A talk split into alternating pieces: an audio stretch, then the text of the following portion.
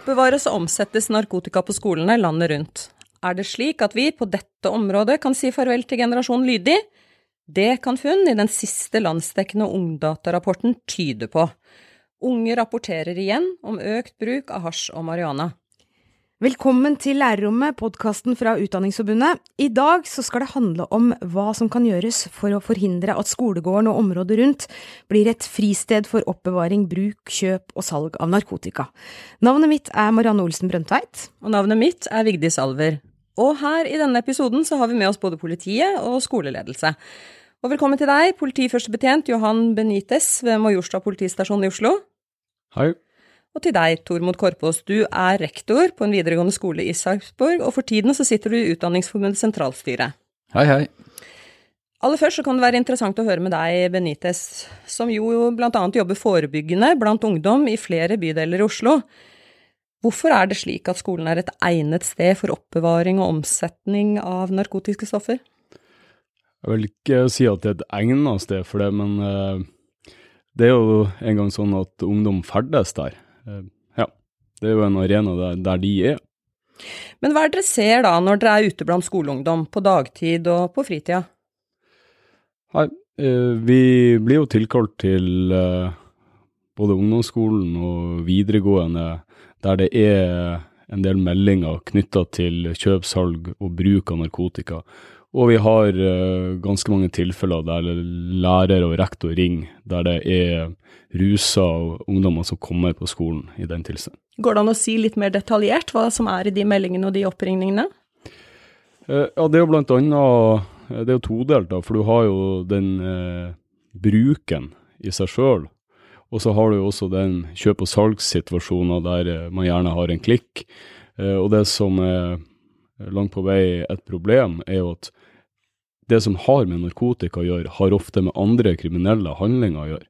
Og da snakker vi trusler, da snakker vi eh, vold, eh, ja, utpressing med mer. Hva, hva, er det verste du har sett når du har vært ute på jobb, eller det verste du har hørt om? Ja, det er vanskelig for meg å dra en sånn enkelt eh, episode, men eh, jeg syns jo hvis jeg skal dra ut noe, så er det de triste skjebnene jeg syns kanskje gjør vondest, der eh, vi ser at eh, bruken av narkotika er, går gjennom hele døgnet. Det er vanskelig for denne ungdommen å nyttiggjøre seg skoletilbudet når røykinga blir så hyppig. Og da snakker vi det de kaller for mornings, de sniker seg unna i friminuttene de møtes etter skolen, og vi ser jo når vi tapper telefoner for melding at uh, det er det de kaller nattings. Og da vet vi jo at de røyker gjennom hele døgnet. Og ungdommen beskriver jo også, når vi får en god prat med dem og får gått i gang og arbeide med dem, så beskriver jo de det her at de går i ei boble. Nå hørte vi innledningsvis her uh, Ungdata-rapporten som, uh, som, viser en økt bruk igjen, etter at det har gått tilbake uh, noen år. Hva er det som har endret seg de siste årene? Jeg vet ikke om uh, jeg har noe sånn entydig svar på det, men det er jo flere ting, da. Det handler jo litt om uh, samfunnsutviklinga. Ta et eksempel, da. Der er ganske mange moderatorer i samfunnet, bl.a. knytta til uh, bruk av hasj og marihuana, der noen hevder at ikke det er så farlig. ikke sant? Der de normaliserer det på en eller annen måte. Og det er klart det er problematisk. Og så har vi også tilgangen til, uh, til internetten, der uh, ungdommen sjøl googler dette og, og kommer fram til argument som at dette er et naturstoff, dette er nærmest bra for deg, ikke sant. Og når de da bygger, kaller sine argumenter for fortsatt bruk, og i tillegg alle de andre påvirkningene de har, så, så er det ja, kanskje lettere for de å, å, både teste ut med mer. Og så har vi jo også det at tilgangen eh, virker jo også å være forholdsvis eh, grei for de. Det er det de beskriver, da. Tormod Korpås, hvordan vil du beskrive dette fra en skoleleders ståsted? Altså jeg vil si at uh, Først og fremst er det sånn at uh, historiene om dagens uh, ungdom de, de, spriker egentlig veldig. Den, eh, det bildet av generasjonen lydig, det er, det er, helt korrekt, det. Og det viser jo Ungdata over mange år. Men på den annen side er det også store forskjeller. Og vi ser jo det veldig tydelig at når det gjelder hasj og cannabis, så har det fra midten av 2000-tallet blitt en markant økning igjen. Og den ser vi spesielt i videregående skole. Eh, og Benitez, du var jo litt inne på dette, her, hva er det som fører til det? Og det er som du sier, det er mange, mange faktorer i samfunnet. Men eh, altså, tidligere så møtte ungdommene det i media stort sett gjennom amerikanske filmer, college-filmer og den biten der. Eh, I dag så så er jo NRK, lisenskanalen vår, tolvårsgrense var det på Skam, som beskriver et, eh, et rusmiljø og nærmest normaliserer det. Hvor Isak og, og vennegjengen er jo eh, rollemodeller, selv om de har svakheter. Men, men slik de bidrar til å normalisere det, syns jeg viser hvor, hvor, langt vi har kommet sånn mediemessig. Dette med argumenter for bruken av, av narkotika også, de blir jo sterkere. Eh, se på Canada i dag. Eh, det er kanskje det største sosiale eksperimentet som, som blir gjort i, i, noen tid, eh, hvor legaliseringen av hasj nå er, er et faktum. Og, og igjen, det, det, betyr i hvert fall at den, den på en måte ensidige eh, argumentasjonen vi har hatt mot, mot bruk av hasj og cannabis, den, den, blir veldig vanskelig å, å forsvare. Men, men, som han sa, vi får telefoner fra skoleledere, lærere, eh, som har opplevd eh, ting på sin skole. Mm. Hvis du forteller fra ditt ståsted, det som da tar disse telefonene, mm, mm. hvordan er hverdagen blant elevene som du ser sliter? Ja, altså Tradisjonelt vet du, så er det jo sånn at vi i skolen i videregående skole vi vi ser det egentlig først når det er for sent. Eh, da er det at vi ser utvikling hos enkeltelever. Først så er det fravær, og så er det uopplagthet, og så er det dårligere skoleresultater, og etter hvert også at de endrer seg. Og det er ikke tilstrekkelig, for da er vi for sent ute, og så er det, så er det enkeltelevene vi egentlig gjør innsatsen for, og, og, og da er vi, er vi Og det er egentlig ikke politiet vi i første omgang tenker på. Da tenker vi på helsevesenet, vi tenker på helsesøster, vi tenker på PPT, alle disse omsorgsområdene.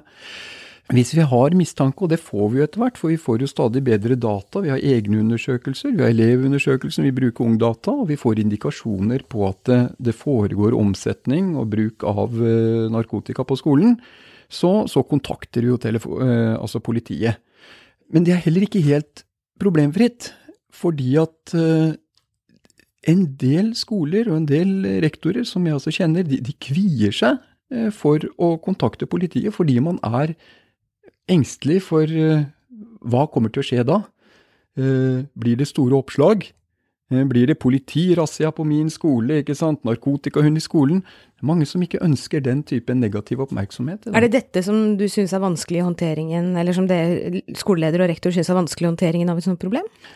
I Østfold så er det nok ikke et så stort problem, fordi vi har postnummerinntak til våre skoler, så, så vi, vi, konkurrerer egentlig ikke om elevene, de får den skolen de skal ha. Men forskningen viser jo at i, i regioner eh, hvor, eh, hvor, det er stor konkurranse om, eh, om elevene, eh, internasjonal forskning viser det veldig tydelig, så vil det altså Bekymringen om skolens omdømme kan gjøre at man ikke tar den kontakten med politiet og, og hjelpeinstanser som man burde gjort. Men du har tatt til orde for eh, rustesting av elever på videregående skole i skoletida? Ja, det har jeg, og det, det er jo ikke per i dag lovlig. Eh, det må det være frivillighet. Eh, men jeg mener det er noe man burde i hvert fall utforske og utvikle mulighetene for. Trenger man mer tilstedeværende politi på skolene? Det er jeg usikker på, det tror jeg nesten Benitez må si noe om.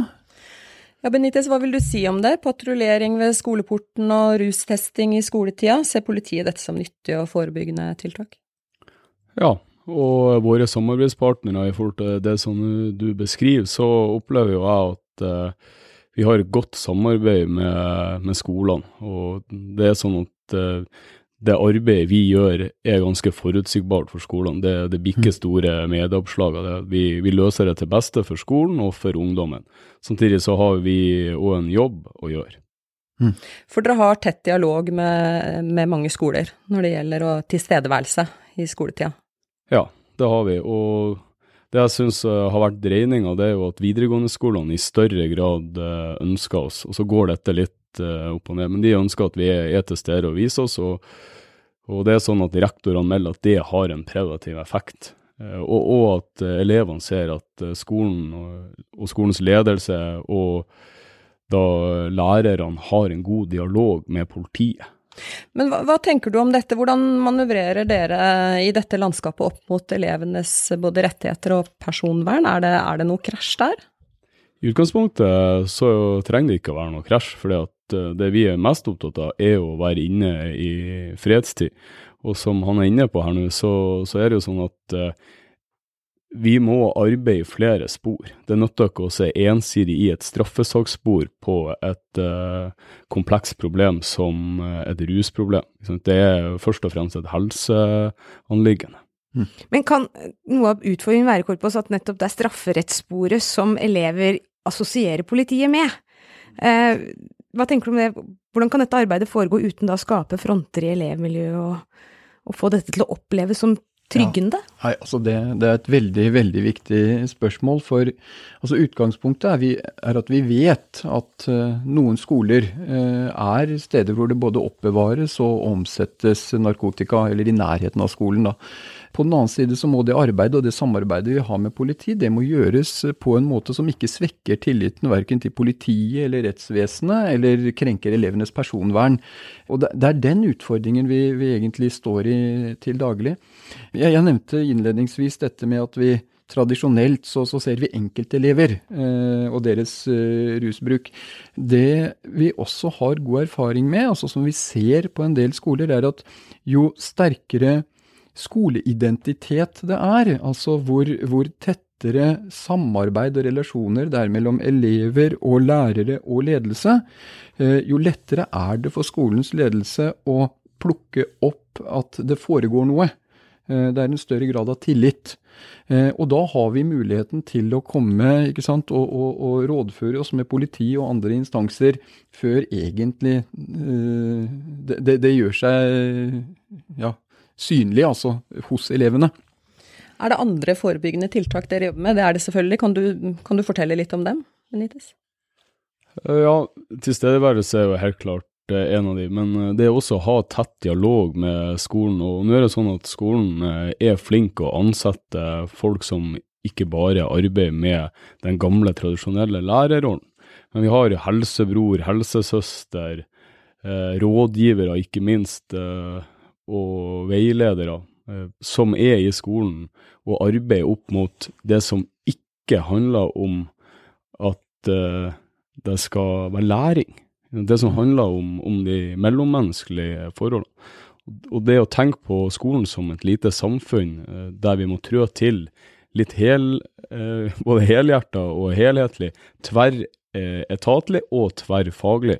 Det tror jeg er løsninga for framtida. Og så er det elevene, da. Dialogen med dem og bevisstgjøring av dem. Er ikke det også et veldig sånn sterkt, eller kanskje det sterkeste forebyggende tiltaket? Helt klart, helt klart. Eh, og det er for oss å få lov å komme og prate med de og ja, Det er jo litt varierende hva vi har ressurser til i forhold til å få prata med dem, men vi, vi, er der og viser oss. og Jeg utfordrer jo mannskapet mitt til å dra i skoletida, til å spise lunsj der, til å normalisere det at uh, vi er der. Sånn at, uh, at, når vi kommer, at det ikke stadig blir spørsmål hva har skjedd. Men, men, der har vi nok en vei å gå blant uh, skoler i, i, landet som helhet. for det er nok mer eh, eh, altså overraskende for skoler rundt omkring i Norge når politiet kommer på besøk. En fordel dere har her, det er jo det at eh, i Oslo-skolen så, så, er det jo samme eier, det er samme forvaltningsnivå som eier både grunnskoler og videregående skoler. Men uh, det, det, jeg opplever er jo at det er eh, det som foregår rus- og handlingsplanen i Sarpsborg kommune, og den som vi forholder oss til, de, de snakker ikke veldig godt sammen. Intensjonene er de samme, ungdommene er de samme, men uh, samarbeidet og når da nå er vi så heldige at vi har politistasjon i, i Sarpsborg fremdeles, men veldig mange av kommunene og stedene eh, i Norge har vi ikke en politistasjon. Og da er den der lokale tilknytningen til politiet, eh, den er ikke til stede. Jeg må få lov å skryte litt av Salto-modellen. for øvrig landet kalt eh, SLT, sånn der man tar opp sånne her eh, temaer for å få det opp på det nivået det skal være på i utgangspunktet. Eh, og at vi får det tverretatlig, tverrfaglig. Og at eh, vi får da nettopp de ulike aktørene videre ned i linja. Ja, nei, men det er riktig. Min, min, erfaring er i hvert fall at vi eh, på videregående skoler så, så, er vi på en måte nødt til å, å ta initiativet selv. Vi, vi, kan ikke vente på verken kommunes handlingsplaner eller politiets. Det er, det, det er vi som må, må være Nav og initiativtakerne i dette arbeidet. Ja, altså, i hvilken grad handler, for Som du nevnte i stad, når du først oppdager dette, så blir det ofte da konsentrert om den enkelte eleven man opplever, eller den enkelte personen som da blir kobla til omsetning eller bruk eller rus. Begynner dette å bli da et skole- og samfunnsproblem? For ofte så snakker man jo da om disse enkeltelevene som gjør noe. Mm. Eh, disse enkeltelevene som gjør noe feil, eller tråkker feil, er på mm. feil vei. Mm. Eh, når, når, hva skal til for å få denne debatten til å bli litt breiere? Ja, jeg tror vi må Eh, altså Uten å gre alle over en kam, så, så, mener jeg det er viktig at vi synliggjør der hvor vi har store utfordringer. Det mest groteske eksempelet jeg kjenner til, det er ikke fra, fra egen skole, eh, men det er eh, der skolen og skolens ledelse var ikke kjent med et rusproblem, og at det foregikk omsetning nær og i skolen. Men etter etter eh, etterforskning, etter at det hadde vært saker, lang tid etterpå, så kom det jo frem at selv skolens elevrådskontor var brukt til omsetning av, av hasj. Og dette kjente jo ikke skolen til, det kom frem i etterforskningen i, i ettertid. Og der handler det om også den, uh, den dialogen vi har mellom partene. Altså vi, I skolen så opplever vi ofte at vi, vi, vet veldig lite om elevene, bortsett fra det de gjør når de er hos oss. Og så kan det foregå ting på helt på andre sider, uh, som, som da pga. taushetsplikt eller dårlige kommunikasjonslinjer ikke blir kjent for oss. Jeg følger deg jo langt på vei i det du sier, og samtidig så opplever jeg at vi har en ganske god dialog med eh, skolene mm. eh, og kommunen, sånn som det er hos oss og de ulike bydelene, da, og SALTE-koordinatorene der. Så forutsetningene våre her i Oslo for å kunne samarbeide om de her problemene, er definitivt til stede. Og det gjør vi jo. Mm. Du, men du, et aspekt er jo når en kriminell handling først er gjort, da, som f.eks. omsetning på skolen, og et annet er det litt bredere perspektivet for hva disse unge menneskene trenger. Hva må gjøres for dem når dårlige valg er i ferd med å tas? Hva vet vi om hva de unge sliter med ellers i livet sitt? Ja, vi får jo kjennskap til det bl.a. gjennom den helhetlige eh, oppfølginga eh, med andre, der eh, Taushetsplikt er oppheva, og vi kan prate fritt. Uh, og så uh, er det sånn at vi gjennomfører bekymringssamtaler, og i bekymringssamtaler så får vi også kjennskap til et mye mer komplekst bilde enn en ren sånn uh, isolert sett en brukssituasjon. Mm. Vi får, hvis du ser for deg at rusbruk gjerne har tre sånne grove sekkeposter der to går i hverandre, så kan du si at du har rekreasjonsbrukeren, helgebrukeren, og så har du smertedøyveren og så har du da den kroniske brukeren. Mm. Så er det noe med at hva som ligger bak han smertedøyveren. Mm. Og når vi begynner å arbeide med det her, så ser vi jo da at uh, på tross av at uh, ting ser greit ut på utsida, som det gjerne gjør i Oslo vest, så har vi ganske høyt forbruk av uh, narkotiske stoffer der. Da er det grunn til å grave litt i det. Hvis du skal gi noen oppsummerende råd da, til lærere og skoleledelse, og ikke minst til foreldre, hva skal man gjøre for å legge merke til en uheldig utvikling blant ungdom man har med å gjøre? Og når det gjelder lærere og rektorer med mer, så må vi, min klare oppfordring være å skaffe seg kunnskap om området. Eh, ikke minst å se tegnene tidlig. Og det er jo sånn at Vi har eh, i Vest her tilbud eh, og vært ute og undervist for lærere. Og gjennom det så bygger vi et tett bånd og samarbeid med lærerne, samtidig som vi gir de kunnskap til å håndtere dette, så de blir vår, kall forlenga arm. Men ikke for å ta noen, men for at vi skal komme tidlig i posisjon til å kunne avdekke og begynne å arbeide. Da kan vi si det sånn at uh, veldig mange av de ungdommene vi har da, som er i testing, prøvestadiet, hvis dere ser for dere at uh, vi er der, så den berømte streken, så er det ganske greit å få dratt de på rett side av streken med urinprøvekontrakter, av og til også Uh, hvis vi greier å få dette på frivillig basis, vi får tett oppfølging på frivillig, så slipper vi straffesak ut av det. Mm. Uh, og vi får de videre på den veien de skal. Hva slags respons får dere fra lærere som dere har holdt kurs for? Ja, de syns det er utelukkende veldig positivt. Mm. Og foreldrene, har du noe inntrykk av hva de syns? Mange av disse ungdommene er jo over 18 år, dere har kanskje ikke noe direkte kontakt med foreldrene? Nei, eh, vi har jo eh, i mange tilfeller ikke det. Men vi arbeider jo i aldersgruppa helt ned til 12-13 og opp til 18 og 19. Og det er klart at i de tilfellene der det er snakk om en 18-19-åring, og vi skal hjem og ransake gutterommet, så på tross av at vi har et taushetsplikt knytta til det, så vil jo foreldrene uh, lure og melde seg på når vi kommer inn for å ransake. Så vi har muligheter til å, å ja, etter hvert med samtykke fra, fra poden da gå i dialog. Korpås fra en skolelederståsted, når skal alarmklokka gå, og hva skal man gjøre for å unngå at den fyrer av? Ja, Vi må begynne med å håpe at den ikke skal fyre av. Eh, det, det, du nevnte foreldrene. Eh, foreldrene er veldig viktige. Eh, og det er en kjensgjerning det at i overgangen fra barne- og ungdomstrinnet til videregående, så så, så, forsvinner egentlig veldig mye av involveringen av foreldrene. Vi, vi mangler jo et FAU, bl.a.